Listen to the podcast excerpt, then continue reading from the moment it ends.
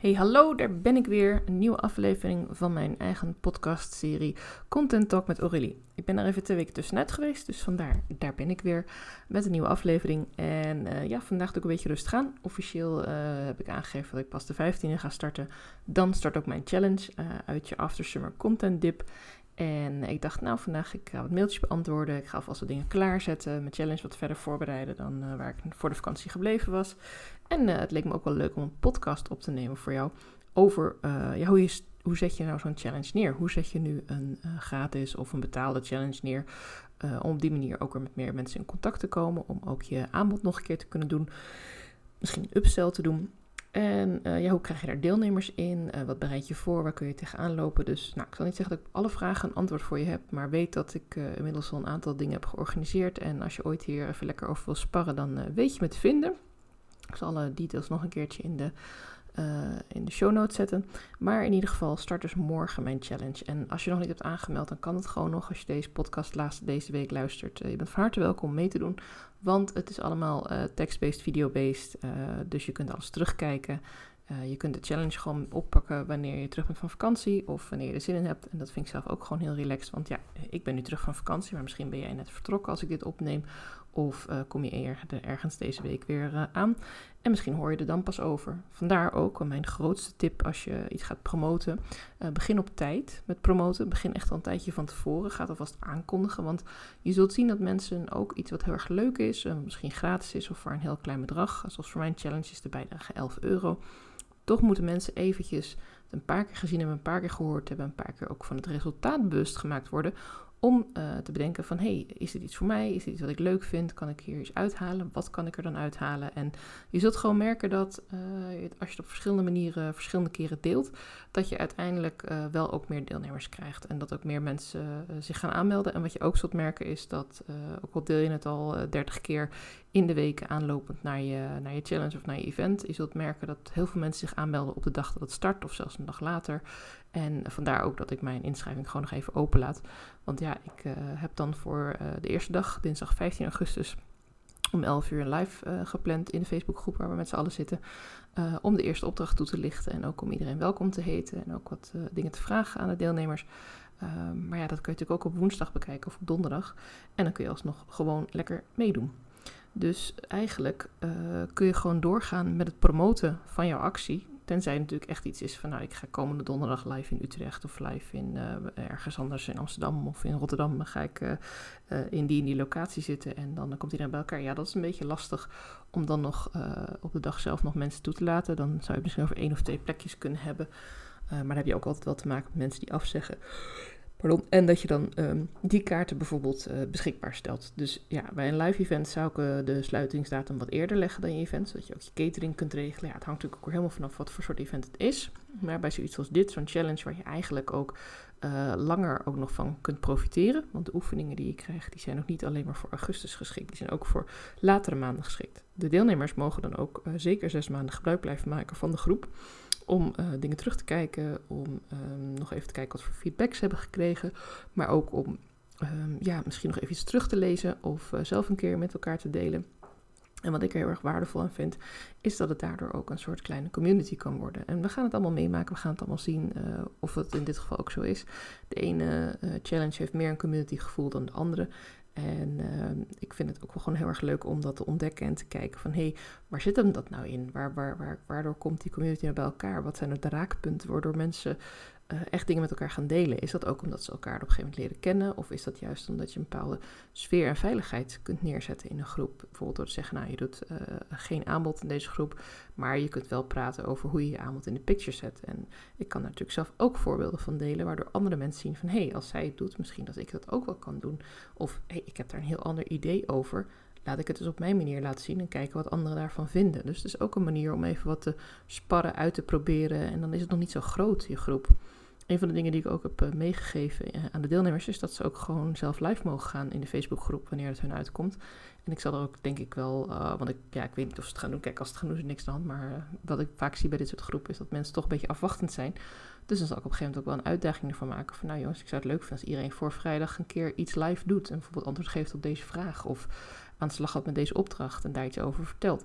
Want vaak bij heel veel van die dingen die je spannend vindt, zoals live gaan op Instagram, live gaan op Facebook, een video opnemen, is het een kwestie van het gewoon een keertje gedaan hebben. En daarom is een challenge als dit ook weer leuk, want dan kun je het een keertje oefenen, dan kun je het een keertje doen, dan krijg je van mensen positieve reactie. Nou, dan krijg je ook een beetje een boost van, van yes, nou dat is goed gegaan, dat is leuk, mensen vonden het ook leuk om te bekijken, laat ik het nog eens proberen. Wat heel erg belangrijk is wanneer je nadenkt over een challenge is, voor wie is dit waardevol? Je hebt natuurlijk een ideale klant gekozen. Je hebt iemand gekozen die jij wilt helpen. Je hebt iemand gekozen uh, waar je, die, die met burn-out klachten zit, die met slaapklachten zit, die een bepaalde vragen heeft over waarom ze reageert op bepaalde dingen op die manier. Uh, misschien is het heel rommelig, misschien help je juist met het organiseren van de tijd of in de agenda. Dus het is belangrijk dat je aangeeft, dat je eerst voor jezelf gaat opschrijven en aangeven Waarom is dit waardevol? Wat is het doel? Wat is het resultaat? Wat de mensen die uh, mee gaan doen aan mijn challenge, aan mijn event, wat gaan ze eruit halen? En dan dus ruim van tevoren al beginnen met de promotie. En het kan ook zijn dat je een kijkje achter de schermen geeft. Dat je bijvoorbeeld zegt, nou het heeft nog niet een officiële naam, maar het gaat daar en daar over. Het duurt uh, één week, twee weken, drie weken. In mijn geval vier weken.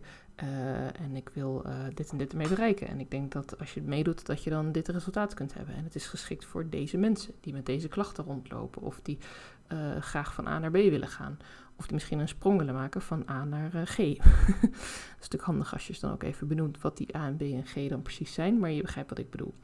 En op het moment dat je dat al heel erg duidelijk kunt maken in je story, in je verhaal, in je uh, verhaal op je blog, uh, misschien ook een keer een podcast opnemen of een korte video of een reel, dan gaan mensen dat uh, steeds herkennen en dan op een gegeven moment komt die boodschap ook meer aan. Want het is werkelijk zo, ik weet niet of je al eens het spelletje hebt gespeeld, dat je iets doorfluistert en dat je dan een hele rij kinderen op zo'n kinderfeestje naast elkaar zet en dan zeg je van de rode tomaat lag op tafel.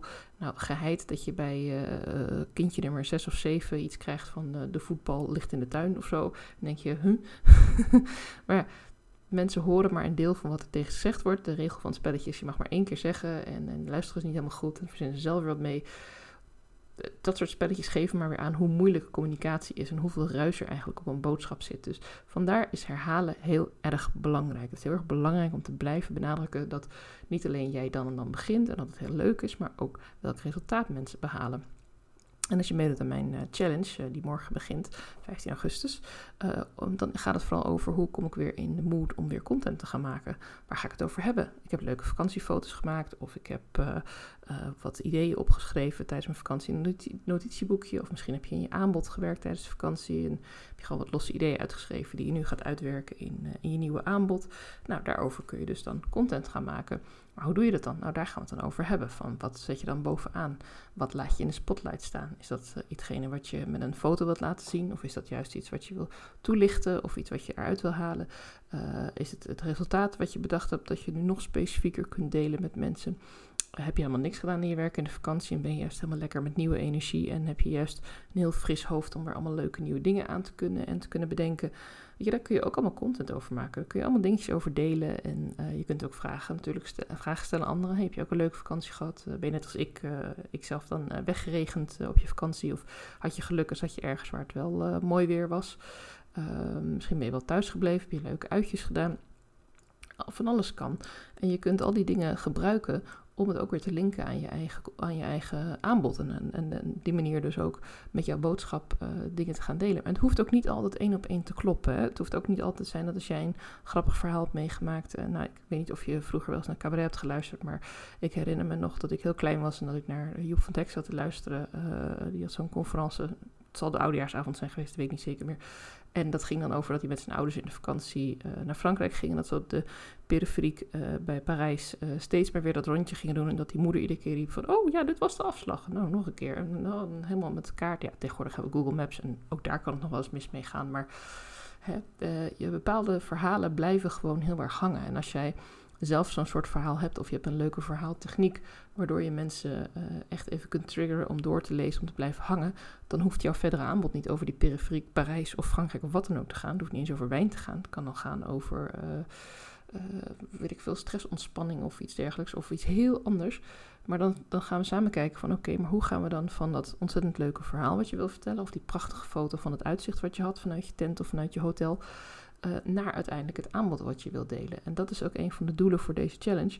Dat je op een andere manier gaat kijken naar hoe jij je verhaal vertelt. Want dingen die jij belangrijk vindt, dingen die jij mooi vindt, dat zegt ook weer iets over hoe jij zelf werkt en hoe jij bent naar je klanten toe. Uh, heb je een oog voor detail? Heb je een oog voor kleur? Vind je het belangrijk dat mensen op hun gemak voelen bij jou? Of wil je juist een beetje triggeren? Of wil je juist dat mensen zich een beetje ongemakkelijk gaan voelen, omdat ze dan juist een doorbraak kunnen bereiken? Dus juist door verhalen uit je vakantie te pakken, of foto's van je vakantie, of inspiratie uit je vakantie te nemen, kun je een heleboel van jezelf laten zien aan die klanten die nieuwsgierig zijn naar wie je bent en naar wat jij te brengen hebt. En daarmee kun je dan ook weer uh, nieuwe klanten binden die uh, met jou aan het werk gaan. Tijdens zo'n challenge is het ook belangrijk om te zorgen dat je een upsell moment hebt. Uh, dat kan natuurlijk helemaal aan het einde zijn. Dan zie je vaak als mensen een week lang een challenge doen met een aantal stappen. Dan doen ze aan het einde van de week bijvoorbeeld op donderdag een live sessie in Zoom bijvoorbeeld. Of Webinar Geek ligt net even aan hoeveel mensen je natuurlijk wil hebben. Um, en dan vertellen ze iets over het vervolgaanbod. Van, goh, we hebben nu vier of vijf dagen samengewerkt, maar ik heb ook nog een heel mooi programma en dat duurt drie maanden en daar leer je dit en dit en dit in. Maar als je nou een beetje slim bent en als je nou denkt van, hé, hey, ik uh, weet niet zeker of iedereen erbij gaat zijn op dat moment, plus dat is dan ook de eerste keer dat ze hierover horen, zorg dan dat je upsell eigenlijk ook al verweven zit in de opdrachten die de mensen doen. Zorg dat je hem al een keertje noemt. Uh, dat je zo'n training hebt. Uh, leg er bijvoorbeeld voorbeelden van uit. Uh, pak een keer een opdracht uit jouw vervolgprogramma en deel die tijdens je challenge. haal er bepaalde informatie uit. neem bijvoorbeeld een printje van hoofdstuk 1 die je meestuurt met een van je opdrachten. Ik noem maar even iets, of, of sessie 1 of hoe je het dan ook wil inkleden. Ook daar kunnen we het allemaal over hebben tijdens de challenge. Ik zelf uh, ga ook zeker tijdens de challenge vertellen wat ik voor je kan betekenen en, en, hoe ik dat doe. Maar ook deze podcast is er eigenlijk ook een voorbeeld van.